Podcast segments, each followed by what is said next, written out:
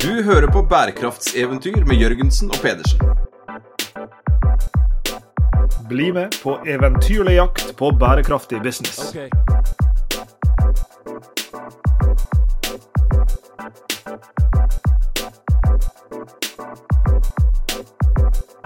Sveinung Jørgensen har kommet inn i bærekraftseventyrstudioet. Velkommen, Sveinung. I like måte, Lars Jakob. Har jeg lov å si velkommen til deg? Eller er det motsatt?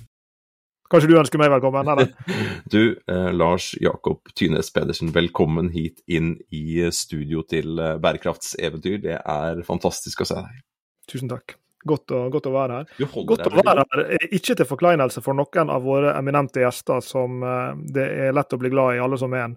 Men det, er- nå sitter vi her alene for første gang på lenge. Så godt å se at du verken har tatt på deg skjorte eller, eh, eller noe annet. Det er litt sånn uh, uten voksne, at, det, at man får lov til å ha første hjemme alene-fest på lenge. Mm. Skal du lage sånn psj-lyd? Vi en. kan, vi, kan legge den til, vi kan legge den til digitalt etterpå. Men du, uh, vi har jo fått et, um, et veldig spennende lytterspørsmål som, uh, som kom fra en, eh, en executive eh, student. Ikke på vårt eget executive-program, men vi var inne på en, på en sånn MBA her forleden. Hvor det var ja Nå har ikke jeg spurt denne personen om, om, eh, om å bli nevnt her, så det får, det får en, eh, skal få lov til å være en anonym MBA-deltaker som, som stilte et spørsmål. For vi, vi hadde brukt en, en god formiddag på å snakke om, om forretningsmodeller på vei inn i en, en dagsøkt om det som skulle være bærekraftige forretningsmodeller, eller bærekraftig forretningsmodellinnovasjon. Eh, og hvis jeg skal prøve meg på å parafrasere dette spørsmålet, så var det noe i retning av eh, hvorfor, sagt, hvorfor er disse forretningsmodellene så viktige? Hva, hva er altså, forretningsmodell kontra strategi? Hva klarte ikke vi oss før i tida når vi ikke hadde forretningsmodellbegrepet, og vi bare brukte andre ord på dette greiene her? Hva er, um, hva er greia? mm. Enkelt sagt. og, og det leder jo til mange ting. Det leder til at jeg og du begynte å tusle rundt i Oslo by. Vi hastedrakk en Peroni på en eh, bar før jeg plutselig oppdaga at jeg var seint ute til flyet mitt. Og vi eh, skrev til slutt også en kronikk i vår faste sånn kommentarserie i Teknisk Ukeblad som heter 'Kraften i forretningsmodeller', så den kan jo eh, interesserte lesere google etter hvis de har lyst. Eh, for vi har jo begynt å prate, da, jeg og du, om eh, hva er greia med forretningsmodellen. For det var vel, var det som egentlig var eh, spørsmålet. Så, hva er egentlig greia med forretningsmodeller? Eh, og, og hvordan eh, og hvorfor skal vi bry oss om det når vi skal jobbe med, med bærekraft? Eh, Men, men i bunn og grunn disse, forretningsmodellene og, og ja, forretningsmodellene det var jo ikke på agendaen del av Jakob, da vi studerte. eh, Og vi er, vi er gamle, altså vi, vi, vi begynner å dra på, dra på åra.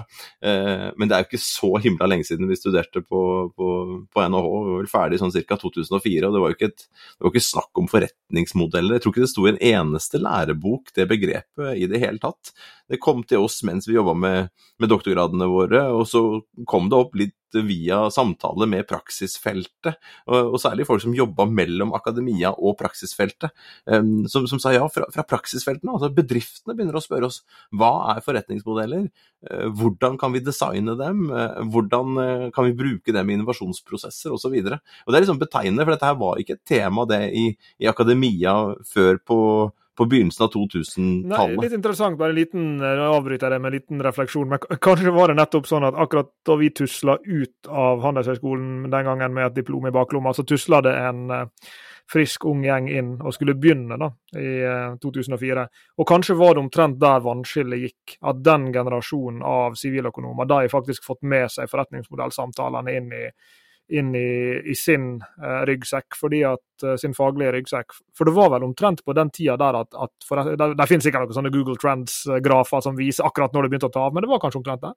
Ja, jeg tror det, altså. Og eh, jeg er ganske sikker på, går du, går du tilbake da og sånn eh, akademisk arkeologisk til verks, og også bedriftsarkeologisk til verks, hvis det finnes noe sånt fag, så vil jeg nok se at eh, utover på, på 90-tallet, med fremveksten av internett og fremveksten av nye nettopp eh, måter å drive forretning på, altså nye forretningsmodeller, eh, dreiv det et hotell før et, eh, et vannskille et sted, så, så, så ligna du på veldig mange andre hoteller. Du kunne differensiere deg på pris og være sånn high end, ha litt spa-anlegg og en, en, en, en restaurant. Eh, da vil du kunne mm. få flere stjerner og så, i, i boka, han har sagt, og så kunne du også få litt høyere pris for, for, for produktet ditt. Eh, eventuelt så kunne du jobbe med å kutte kostnader og konkurrere mot andre hoteller som ligna deg sjøl ganske mye, men som da var mer kostnadsorienterte. Og begge to kunne være lønnsomme. Eh, så kunne man jo selvfølgelig også prøve å, å gjøre begge deler på en gang. Men, men hotellene de ligna på hotellene, og taxiselskapene ligna på taxiselskapene.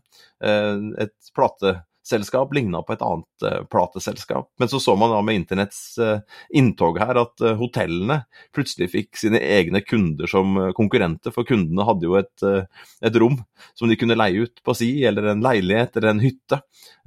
og så kunne de sitte der og både selge og kjøpe hotelltjenester på, på nett som ikke var hoteller, men eh, type Airbnb. Eh, musikk, eh, vi kan komme tilbake til det. altså En eksplosjon rundt da musikken og forretningsmodellene rundt dette her. Og da var det vel sånn at disse teoriene, de begrepene, den forståelsen av f.eks. For strategi, da, som man hadde hatt fram til da, den, den, var nyttig, og den er viktig fremdeles, men man trengte noen andre modeller. Man måtte stille noen andre typer spørsmål, og som praktiker, da, en leder i en virksomhet, eller en, eller en um, gründer i et oppstartsselskap, måtte da forstå dynamikken i næringslivet på en annen måte. Og det vi så da, var jo at, uh, at fokuset, den, det man analyserte, gikk videre enn bedriften, videre enn hotellet, videre enn taxiselskapet, videre enn en, en plateselskapet. Eh, fordi at man skjønte at her måtte man trekke inn kundene på en annen måte, man måtte trekke inn leverandører på en annen måte. Man måtte begynne å samarbeide kanskje også med konkurrenter, sånn som vi så i musikkindustrien. og Vi skal som sagt komme tilbake til det, for vi har det så på lista her, og vi, vi, vi, vi, renner jo litt over med det etter å ha kost oss på, med, med, med, med, playlist på, på, på Netflix i det siste. It out.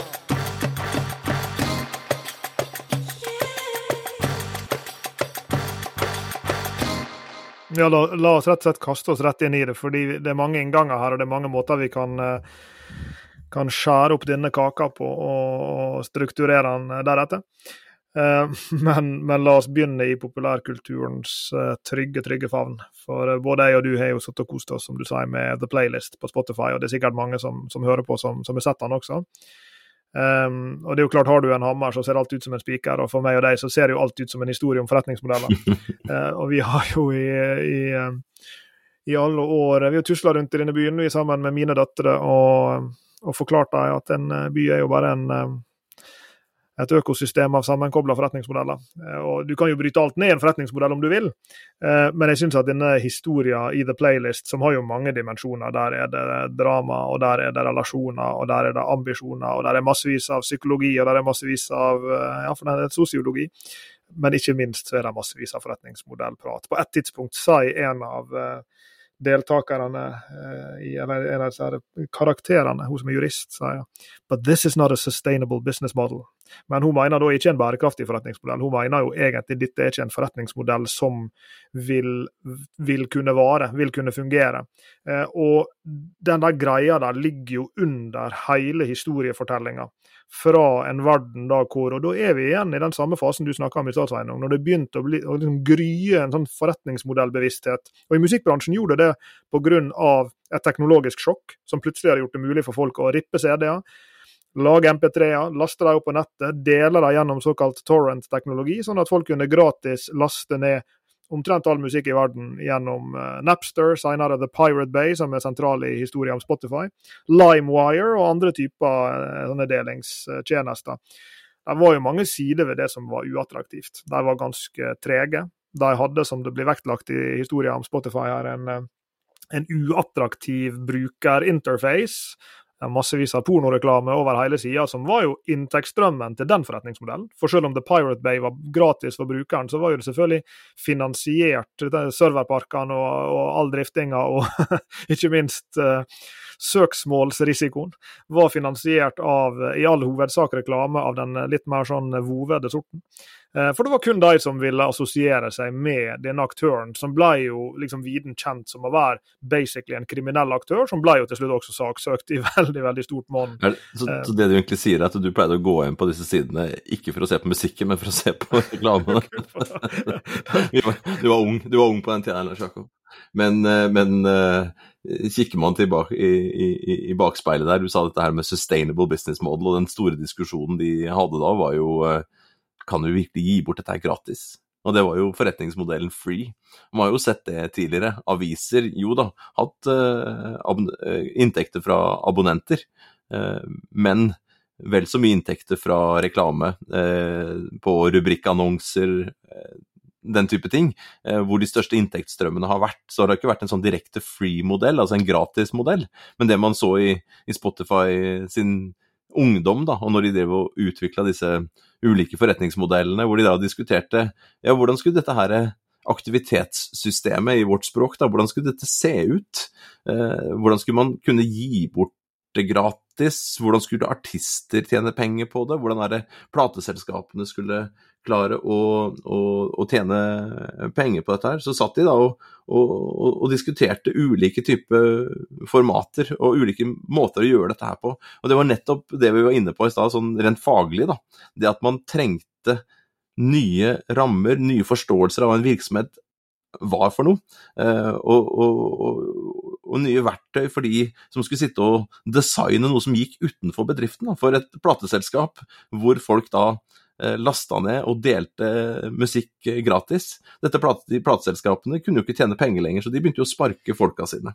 Eh, de saksøkte andre aktører her, forsøkte å holde på den gamle modellen slik det alltid hadde vært, men så fikk de da en utfordrer i en ekstremvariant da, i Spotify som sa her er musikken, eh, du skal slippe å vente ett til to minutter og laste den ned på sånne lugubre nettsider, sånn som, sånn som, det, sånn som det var tidligere.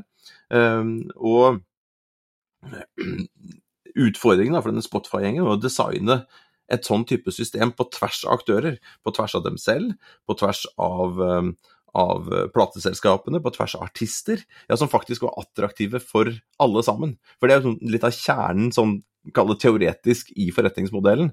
Det er å skape, eller designe, prøve på nytt, det er å designe et aktivitetssystem for flere aktører hvor det skapes verdi for alle sammen.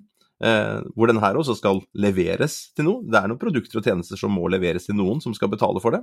Og I tillegg da, så må de som sitter og designer dette her, også finne det vi kaller en lønnsomhetslogikk, som sørger for at man da tjener noe penger på det. Eh, og De satt jo og klødde seg i huet, investorene til Spotify der. Eh, musikkbransjen, hvor de eh, gründerne i Spotify banka rundt på dører og, og, og inviterte seg inn. Eh, også inn bakdører. Eh, fant, eh, fant folk på konserter og andre steder og prøvde å komme i dialog med dem. Så skulle da prøve å overbevise dem at her skapte man så mye verdi, og den skulle gis bort gratis. Men allikevel så skulle man klare å tjene penger på det.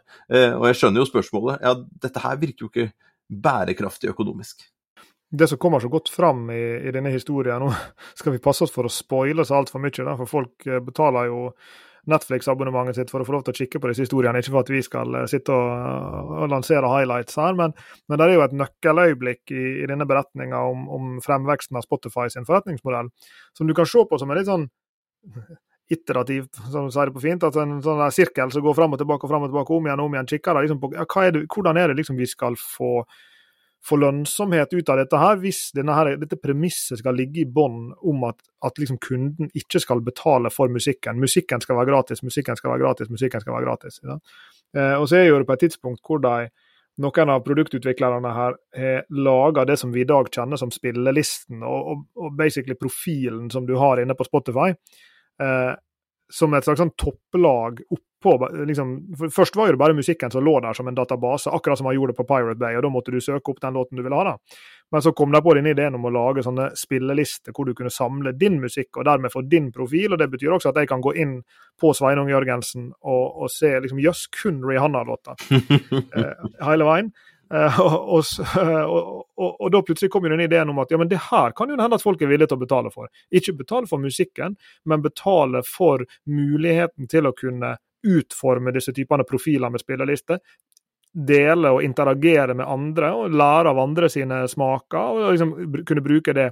Og det å betale en, en sånn abonnementsbetaling for den muligheten, ja, OK, det kunne disse hardcore gratisforretningsmodellfolka eh, leve med, og det løs, låste opp ei dør som også da fikk plateselskapene til å si aha, ja, men dette kan vi kanskje være med på, fordi hvis det nå er noe kunden faktisk betaler for direkte, da kan vi claime vår rettmessige del av den transaksjonen, eller de transaksjonene, og da plutselig er vi tilbake igjen i business på et vis. For det er bedre enn at de laster det ned gratis fra, fra Pirate Bay. På et vis, ikke sant. De spratt nok neppe champagnen.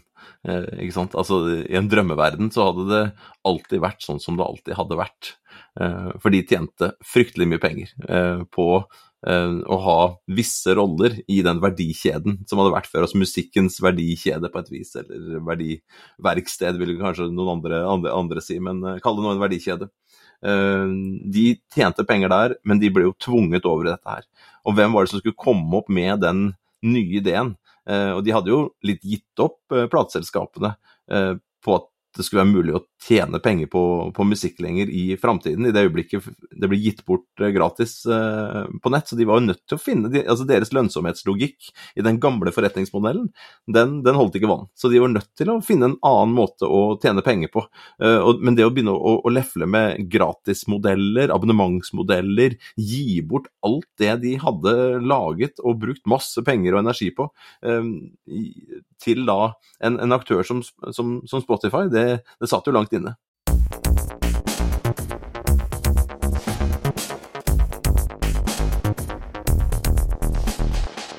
Ja, og Grunnen til at jeg trakk inn plateselskapene her, var jo nettopp som et lite nikk fram mot det som vi helt sikkert skal snakke mer om, nemlig dette som har med disse aktivitetssystemene, som er ordet du har brukt eh, mange ganger. For Hvis jeg trykker på play på en låt nå på Spotify, så vil eh, så, så, på en måte hviler det på en lang kjede av aktiviteter, hvis vi tenker bakover. Hva, hva, er det som må ha skjedd for at den låten skal strømme ut av, av høyttalerne? Nå er det snart Eh, sånn uh, kickoff oppe for sesongen på Brann stadion. der. Så La oss si jeg skulle sette på den tolvte mannen, Brann-supporterne sin sang, og så skulle vi, skulle vi gire oss opp til, til sesongstart. Ja, da, må det ha skjedd massevis av ting. Ja, Selvfølgelig på et eller annet tidspunkt måtte noen lage den låten og spille den inn, men la oss gå helt så langt tilbake. Men på et tidspunkt så var det et plateselskap som sa vi ønsker å gi ut denne låten, vi eier rettighetene til den. Og dette nøkkeløyeblikket som skjer da i denne, i denne dokumentaren Nei, dokumentar, det er, en, det er jo en en fiction-fortelling basert på sannheten, men i alle fall, på det tidspunktet hvor plateselskapene sier OK, dette kan vi være med på, ja, da åpner jo de opp sine databaser til Spotify. Da. Og det var jo et tidspunkt hvor Spotify ikke helt visste om dette ville skje, og hva ville da alternativt måtte skjedd? Jo, da måtte de ha hvilt seg på noen andre typer aktiviteter, f.eks. at en eller annen satt og rippa alle disse filene og lasta dem opp. Og Det ville vært en ganske krevende jobb. Altså Hvis du skulle, hvis du skulle manuelt generert den, den databasen Spotify eh, ja, selv den gangen, for ikke å snakke om nå, hviler på. Hvis de ikke fikk plateselskaper med på, inn i dette aktivitetssystemet, men måtte sjøl deale med den aktiviteten, ja, det vet ikke om de ville fått det til å fly en gang. Men så på det tidspunktet da, så sa plateselskapene OK, vi åpner opp. Greit, da kan en begynne å tenke hva må videre være sant, fram til det øyeblikket at Lars Jakob trykker på play og musikken kommer ut av, av høyttalerne. Så, så for, for, du sa det i stad, forretningsmodellen. Ja, han er, han er, i virksomheten, men han strekker seg også utover virksomheten. For det er så mange aktiviteter som må være på plass for at Spotify skal kunne si gi meg dine ja gudene vet hva det koster nå, 119 eller et eller annet, så skal du få tilgang til disse Rihanna-låtene dine, han. Ja. Så du, du veit ikke hvor mye du betaler for de ulike abonnementene dine, er det du sier? Herregud. La oss ikke gå ned den veien. hvor mange sånne strømmetjenester er det du har? Åh, jeg er bare glad for at jeg nå i det minste klarte å rydde opp, sånn at vi ikke har to Spotify Family-kontoer hjemme i den ene familien vi jo tross alt er. Så, så, dere har begynt å prate sammen, er det du sier? det er litt artig at vi sitter uh, Artig. Jeg syns det er artig, da. Vi sitter her og prater om Netflix, og uh, jeg sa vi var gamle, men det er jeg som er eldst, så jeg må sånn, ta den byrden uh, eh, sjøl. Du er eldst, men du er også vakrest, så sånn sett, ja, det, det, går opp i opp. Det, det, var, det, var, fint sagt. Men uh, er du såpass gammel at du leide sånne VHS-kassetter? Å oh, ja. Ja, du er jeg, til med, jeg er til og med leid en moviebox. ja, ikke sant? det, er jo ikke til og med engang. Vi leide jo Yngre lyttere, google it. Ja, for det, det, er jo ganske interessant i seg sjøl. Så gikk vi på sånne butikker, husker jeg, og så plukka vi opp videokassetter, og så etter hvert så ble det DVD-er. Ligna på CD-er, for de som ikke har uh, hørt om dette her uh, før. Og Innimellom også... hadde vi det veldig glamorøse, uh, det lille glamorøse vinduet hvor du også kunne leie laserdisk, men det var jo veldig kort tid. Oi, Nei, den, den, da sov jeg i det lille øyeblikket der. Men uh, i USA så gikk man jo da på Blockbuster i den tiden der, og det var en stor kjede som leide ut uh, video og etter hvert også DVD-er. Uh, leste at det de tjente mest penger på, var jo alle de som aldri leverte så, som da fikk gebyrer eh, for å levere for, se, for, sent. Og dette var en kjempeviktig kontantstrøm for dem, visstnok. Og, og ikke bare grunn... de som ikke leverte, men også de som ikke spolte tilbake igjen filmen. igjen for våre yngre lyt lyttere, google litt. Eh, men der var jo det også en, en sånn um, lit, en liten fi som det til sammen de tjente fryktelig mye penger på. Så var det en luring da som var så lei av dette her, som etablerte Netflix i, i, i sin tid, som da begynte med å sende hjem sånne DVD-er, så man kunne bestille dem eh, hjem til seg. Eh, og så kunne man ha dem eh, så lenge man ville, men man fikk ikke ny før man returnerte den gamle. Og den var ikke verdt så veldig mye, den Netflix-sjappa på nett, da Blockbuster i sin tid fikk tilbud om å, å kjøpe den. Jeg leste i en bok som heter Don't Be Netflixed, er, er ikke det riktig? Jo, det er riktig. Om Blockbuster som gikk på, på, ryggen der. Både ved å dyrke den gamle forretningsmodellen og lønnsomhetslogikken der, i, som du sier, folk som ikke spoler tilbake, og folk som ikke leverer tilbake.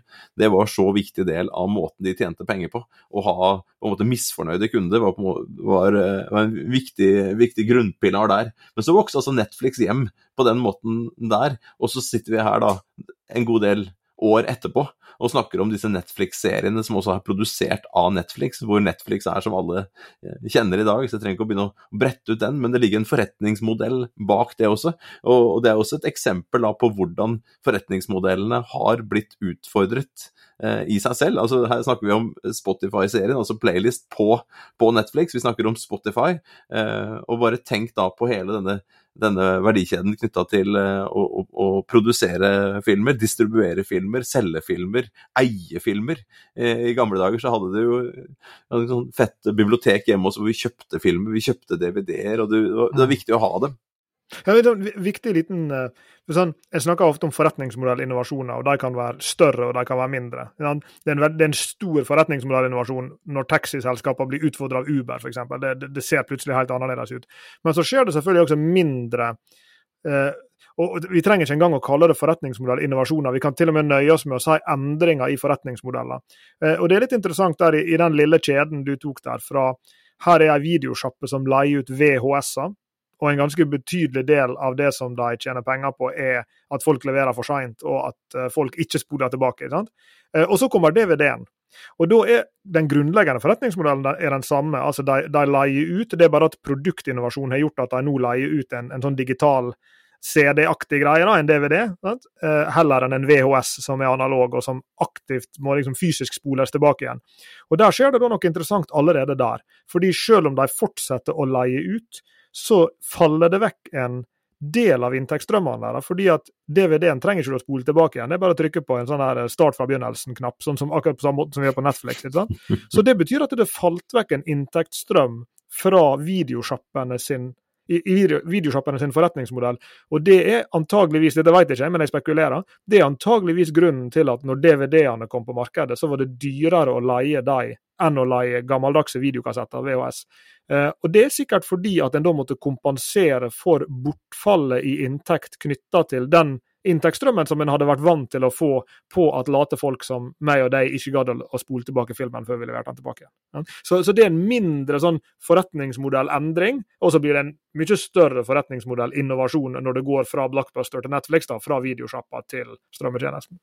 Og en gang så var jo også videosjappa en innovasjon. Det Lillås uh, synger jo om da tieren var gul og femmeren blå, var nok bedre for deg enn det var nå. Om en sønn som skal ta over farens eh, skomakersjappe og lage en butikk hvor hun skulle leie ut videokassetter. Oh. Så, så, det er jo mange forretninger og måter å tjene penger på eh, som har blitt utfordret før. Eh, og i begynnelsen av dette resonnementet, denne fremveksten her av nye typer forretningsmodeller som ikke var så like de, de forrige. Man trengte et annet språk, noen, noen andre modeller. Eh, og strategien overlever, absolutt. Altså strategifaget, det, det, det lever og, og, og, blomster. Men som en sånn liten sånn sideparallell, og som griper inn i strategifaget også, eh, så, så, ser man da fremveksten av disse forretningsmodellene. Dere som har hørt på oss lenge, vet at vi, vi kaller det for måte, altså historien om hvordan bedrifter skaper, leverer og kaprer verdi. Skaper verdi, ikke bare for kunden, men ja, for kunden, men også andre interessenter. Det, det er ikke nok å, å, tenke da at den bare skal uh, uh, skape verdi for kunden gjennom å tilby et produkt eller tjeneste. Her skal man også være en attraktiv arbeidsgiver og, og, og skape verdi for arbeidstakerne. Man skal være en, en god nabo i, i, kommunen der man er, eller landet der man er, eh, og, og, også skape verdi for et, for et fellesskap rundt det. In, investorene, eh, de som har lånt deg penger, eh, og andre aktører rundt deg. Så det å sitte og designe disse forretningsmodellene, det griper da så langt utenfor bedriften. Og sånn måtte du også tenke før, når man drev en, en skomakersjappe som ble en, en, en videosjappe, og som etter hvert ble et, et, et Spotify, da, for, å, for å dra den, den, den rekka der så har man jo alltid måttet skape verdi for noen utover seg selv. Eh, men måten dette ble skapt på, da, altså måten det leveres på, hva slags type ressurser er det man trenger for å, for å gjøre dette her, hva slags type aktiviteter er det man skal gjøre, eh, hva slags type samarbeidspartnere er det man har. Og i mange av disse tilfellene så ble jo kundene ble jo plutselig konkurrenter, sånn som vi nevnte i sted rundt, eh, rundt uh, hotellene her. Uh, og Det gjorde at man måtte begynne å tenke annerledes på hvilke aktører er det man skal ta med seg inn når man skal designe disse nye virksomhetene, og ikke minst disse lønnsomhetslogikkene som har blitt utfordret mer og mer og mer i det øyeblikket. Og det er jo internett som, som å si, sin feil, eller, eller, det som muliggjorde i, i stor grad disse nye måtene å tenke verdikapring på også. Man kunne levere ting på nye måter, skape verdi eh, på andre måter, og så blir man tvunget da, til å finne andre måter å kapre på. Og hvordan all verden skal man kapre verdi i det øyeblikket varen blir gratis? Eh, tenk liksom Google, Lars Jakob, når vi begynte å bruke disse variantene for å skrive bøker og artikler eh, sammen. Det var jo ganske rart å, å ha et, et, univers der 15 år siden ish. Jeg husker ikke akkurat uh, når vi begynte å bruke dette her for, for fullt, men hvor man plutselig da kaller det gratis, anførselstegn uh, rundt det. For det, det, er jo noe varer her, det er jo noe som selges allikevel. Men det også for Google i dette tilfellet, da, begynne å tilby en søkemotor, uh, tilby eh, doc, som det heter nå, da, hvor man kunne skrive sammen, lage Excel eller regneark sammen, for å bruke riktig eh, begrep. Eh, lage spørreundersøkelser, gjøre mange forskjellige ting, og, og, og, som, som, som, da fremstår gratis for brukeren. Men hva er det som ligger, hva slags type lønnsomhetslogikk ligger rundt dette gratisproduktet, sånn at uh, Google uh, tjener penger, men også de andre innholdsleverandørene og andre som da har glede av, av, av selskapets eh, produkter og tjenester.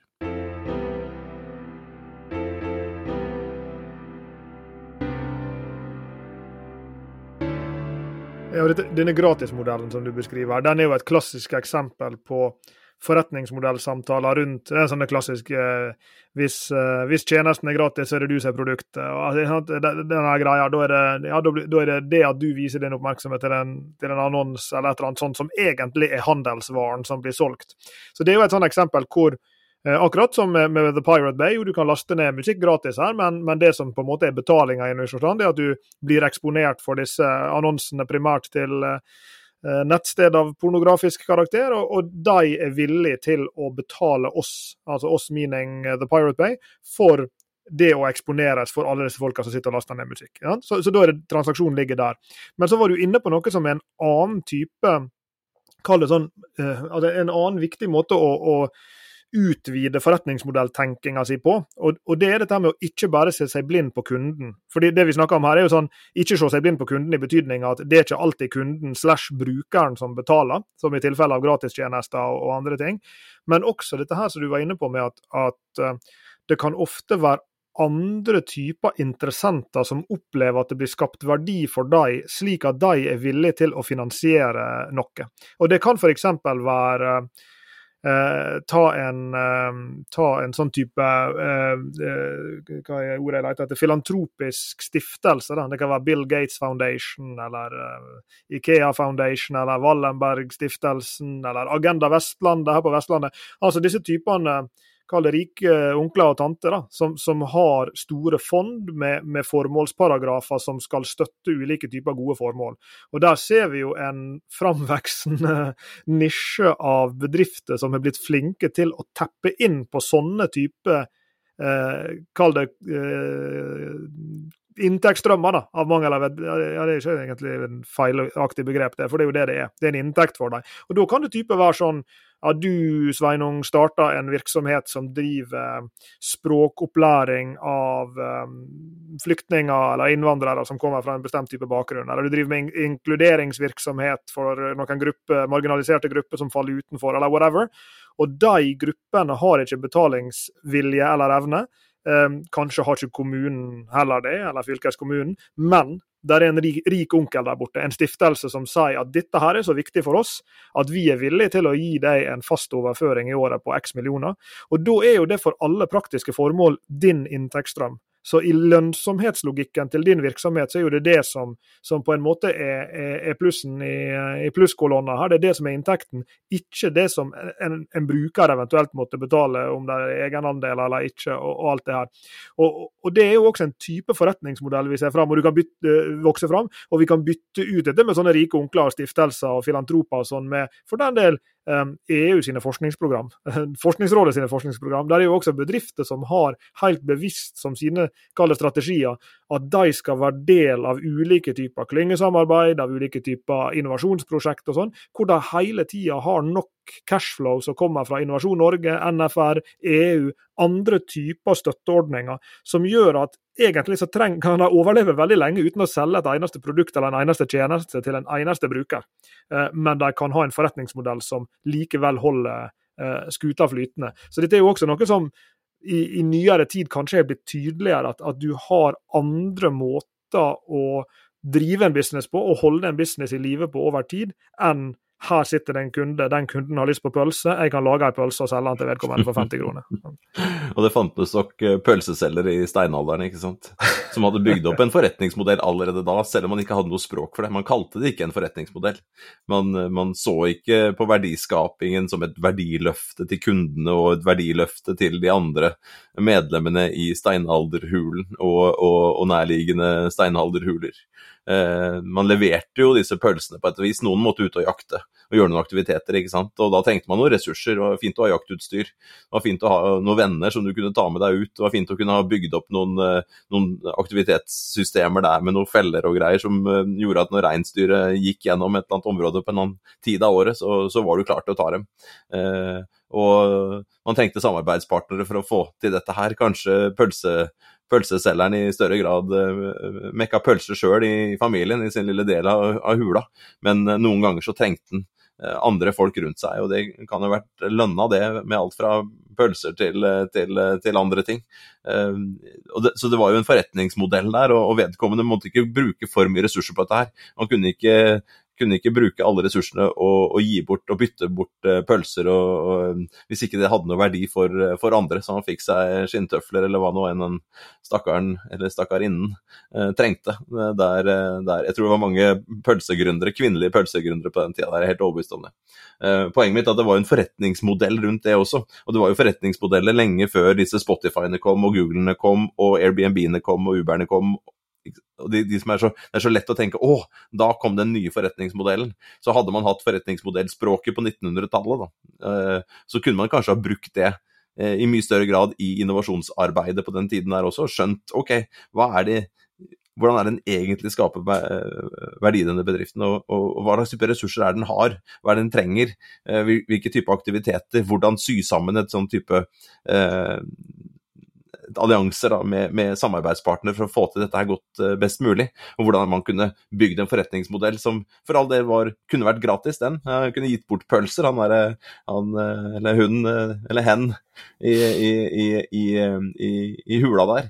Um, men samtidig hvordan da få tak i de ressursene man trengte, da, gitt dette her. Men det vi har sett da, de siste 20-25-30 årene, det er jo en fremvokst av helt andre type virksomheter, også som du sier her, Jakob, som spinner så langt utenfor virksomheten.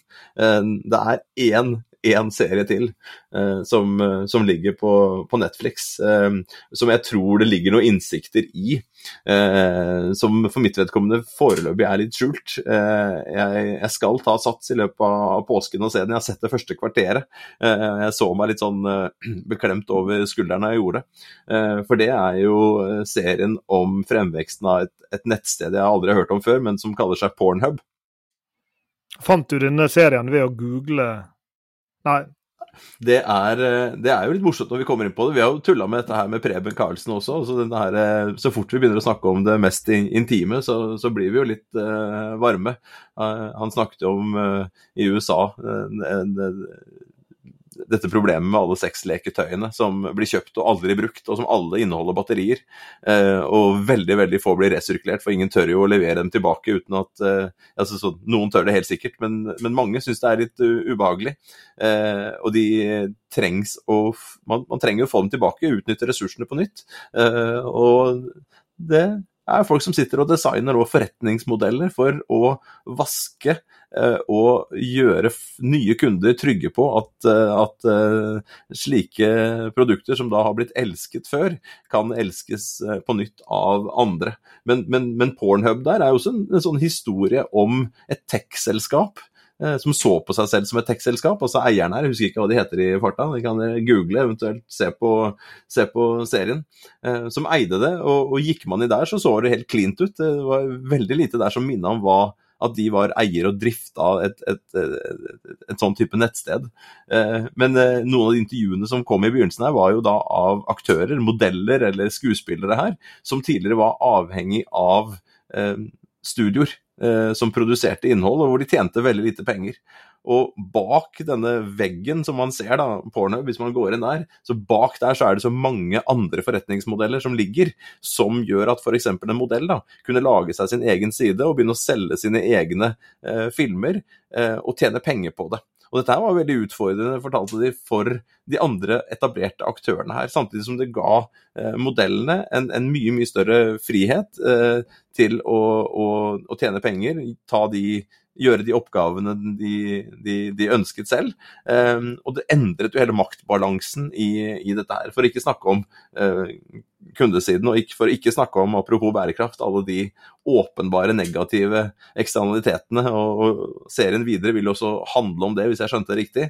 Um, hvordan de etter hvert hadde fått, uh, på godt norsk, pushback. Um, ved at uh, folk da også kunne dele filmer som, som den som ble filmet, på ingen måte hadde, hadde akseptert skulle legges ut, blant annet. Og du har problemer med, med mindreårige, og det er liksom, altså du kan liste opp dette her. Man har en helt egen episode på de negative sidevirkningene av en sånn bransje. Men som hun sier, hun ene intervju, intervjuobjektet der som jobba i dette tech-selskapet, hun mente at når vi diskuterte fremveksten av internett og disse nye forretningsmodellene i vårt språk, så, så manglet denne historien. Eh, og, og, det mangler også den innsikten, og kanskje noe av, de, noe av de tingene som har drevet internett aller mest frem, hevdet hun, kommer jo nettopp fra denne industrien. Og, og, og det å tilgjengeliggjøre filmer, det å kunne laste opp, det å kunne dele, det å kunne tjene penger på på ulike måter. Eh, så, så det er jo også en sånn eh, jeg vet ikke om vi tør å putte den opp på liksom, eh, en anbefalingsliste, men det er jo interessant da, rent faglig sett. rent intellektuelt så er det jo veldig interessant å se på uh, hvordan også denne forretningsmodellen har vokst fram uh, over tid.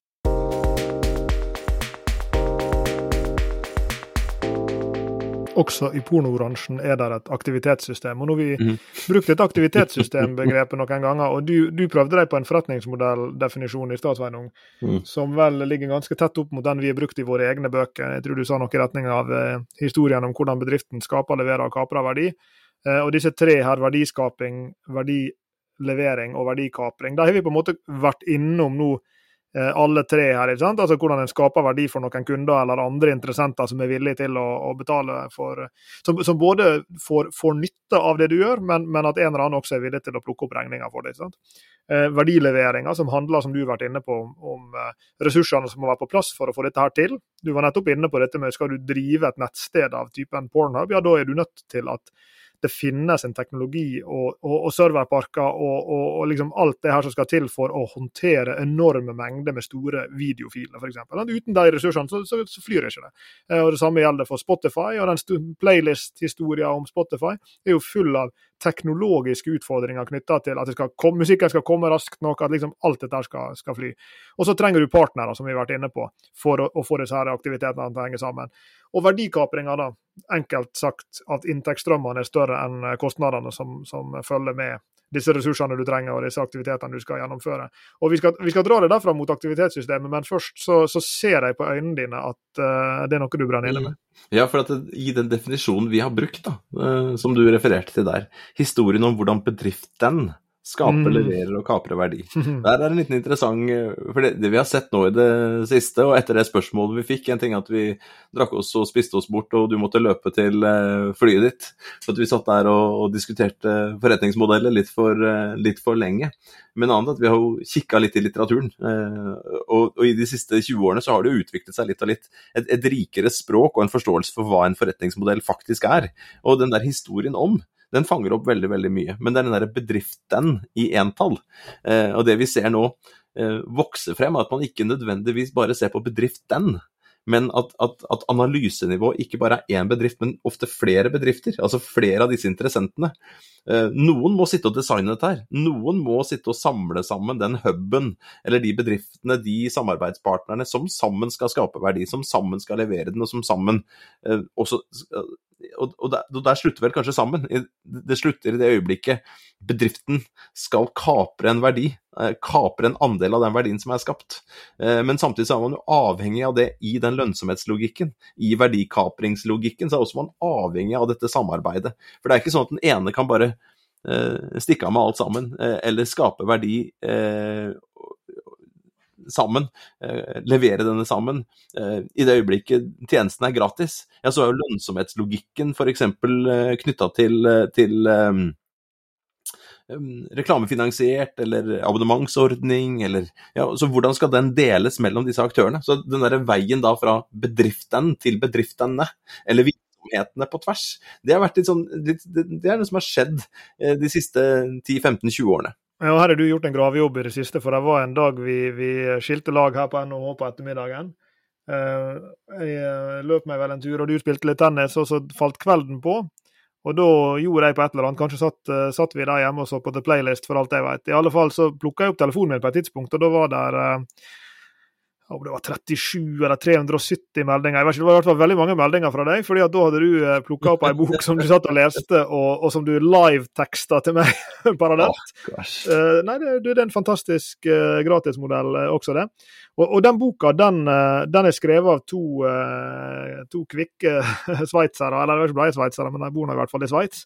Rafael Amit og Kristoff Sott. de er handelshøyskoleprofessorer som eh, har vært tidlig ute og vært veldig sentrale i utviklinga av forretningsmodellfeltet. Og De skrev en bok for noen år siden, jeg husker ikke hvor den kom, som heter 'Business Model'. det husker du ikke, for den er det jo jeg som har lest. så du som drar det der elegante referanse. Jeg tror det var egentlig sånn, jeg, jeg tror de var sveitsere. Jeg, jeg, vet jeg tar dialekten feil, altså, men du, er, du, du, skal få den. Ja, fortell. Det, det, den du har jo lest den, for du, men du har fått den i SMS-form. ja, ja, det er akkurat det. det, er akkurat det. Uh, så et eller annet sted vet jeg hvor denne uh, boka uh, når den ble publisert, men gudene må vite. Men det kan dere google og finne ut. 21, jeg tipper på 21. Den er ganske fersk. 21, altså. ja. Jeg tipper på det. Business Model Innovation Strategy heter han, og han, han ligger altså i skjæringspunktet mellom forretningsmodellbegrepet, innovasjon og også strategi, som, som, vi nettopp har, har trukket linjene mellom her. Og, og, Jeg har ikke lest boka, men jeg, jeg har i gamle dager lest uh, en del artikler av disse typene her, sammen med en, en god kjenning av oss, Sveinung, som heter Lorenzo Massa, som er mm. italiener og professor i, i, Jeg har faktisk ikke lest den litt populariserte versjonen i bokform, jeg har, men jeg har lest artiklene som ligger til grunn. men det som jeg husker, Ikke bare har jeg lest dem, jeg kan faktisk huske ting fra dem også.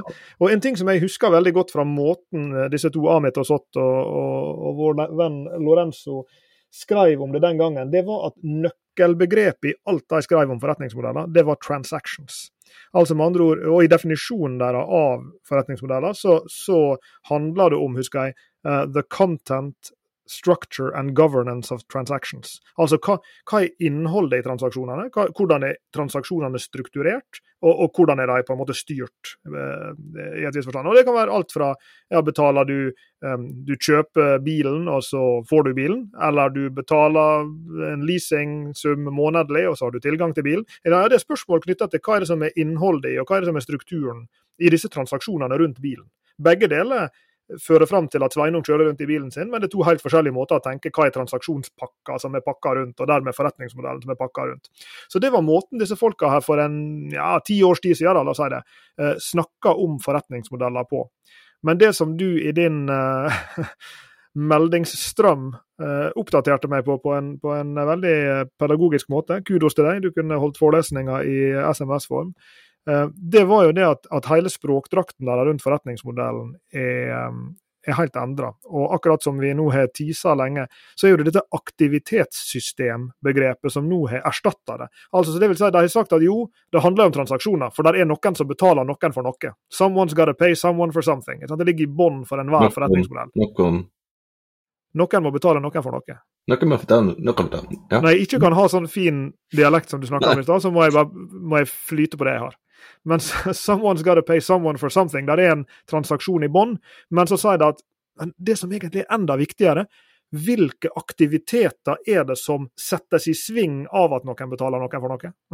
Med andre ord, hva er kjeden av aktiviteter? I stad brukte jeg eksempelet med musikk. Noen lager musikken, noen produserer musikken, noen gir den ut i et eller annet format, noen distribuerer den, noen betaler for den, og så har du hele den der kjeden der. Eh, og så sier de at det som egentlig skiller forretningsmodeller fra hverandre, det er aktivitetssystemer eh, som er bygd opp eh, rundt det som nå enn selges. Og måten de beskriver dette på, nå skal vi sitere, nå skal jeg simultanoversette fra engelsk. her, Dette er definisjonen de bruker i, i boka si. Og Da skriver de at vi definerer forretningsmodellen som systemet av uavhengige aktiviteter som gjennomføres av et focal firm, altså en, en bedrift som står i sentrum, kan vi si. Mm. Eh, og eh, av partnerne til denne bedriften. Og dette handler jo om det som du sa i stad, at ja, vi går fra bedriften til bedriftene, men der er en, en, bedrift i sentrum. Så i historien vår om Spotify i stad, så var det Spotify som sto i sentrum, og så var plateselskapene og alle disse andre de lå på en måte rundt. ikke sant? Eh, og så er det en viktig eh, siste del av denne setninga, for til slutt sier de Altså det vi har sagt så langt, forretningsmodellen er et system av uavhengige aktiviteter som er gjennomført av et, en bedrift som står i sentrum, og av bedriftene som ligger rundt, og så kommer det. Og mekanismene som kobler disse aktivitetene sammen. Og det er viktig, fordi at der kan mekanismen være en transaksjon. Ikke sant? Eh, Spotify betaler Sony Records x antall 1000 kroner i måneden, millioner kroner i måneden for å få tilgang til Nei, det er ikke sånn det gjøres. Det kunne vært sånn. Det Kunne absolutt vært sånn. De har betalt en fast sum for slik og sånn. Nei, det de gjør istedenfor, er at de betaler en cut per avspilling, som er en slags form for royalty, som blir videreformidla dels til plateselskapet og dels til artisten. Så der, der, er da en transaksjonsbasert mekanisme. Men så kan det være andre mekanismer enn transaksjonene som også binder aktører sammen. Så for eksempel, og Vi skal kanskje snakke litt sirkulærøkonomi nå på slutten av samtalen, fordi dette her kommer kanskje særlig til syne i sirkulærøkonomien, som nettopp er en sånn kjede av aktiviteter på tvers av organisatoriske grenser. Og Der vet vi jo f.eks. at ofte så kan mekanismene i sirkulærøkonomisk samarbeid ikke være en transaksjon, men det kan være mer sånn Shit, jeg sitter på masse som for meg er søppel, men der borte er det en bedrift som kan tenke seg å lage noe av dette, dette søppelet her. Hvis de er villige til å komme og hente det, så skal de få det. Ja? Og Det ser vi veldig ofte i sånne value from waste-forretningsmodeller. Vi ser det i sjømatnæringa f.eks. Så kommer aktører og henter Enten det er slam eller det er avkapp eller whatever, og så lager de et produkt av det. Og Da er ikke det en transaksjon som knytter disse aktivitetene sammen. Det er et annet slags form for frivillig samarbeid, hvor det både er formålstjenlig for den som sitter på avfallet og blir kvitt det, tusen takk for at du er villig til å komme og hente det gratis, og det er formålstjenlig for den som skal lage et nytt produkt av det, tusen takk for at vi kan hente denne viktige innsatsfaktoren gratis. Så da har vi altså en forretningsmodell som strekker seg på tvers av to aktører det er noe som knytter dem sammen, men det er ikke en transaksjon.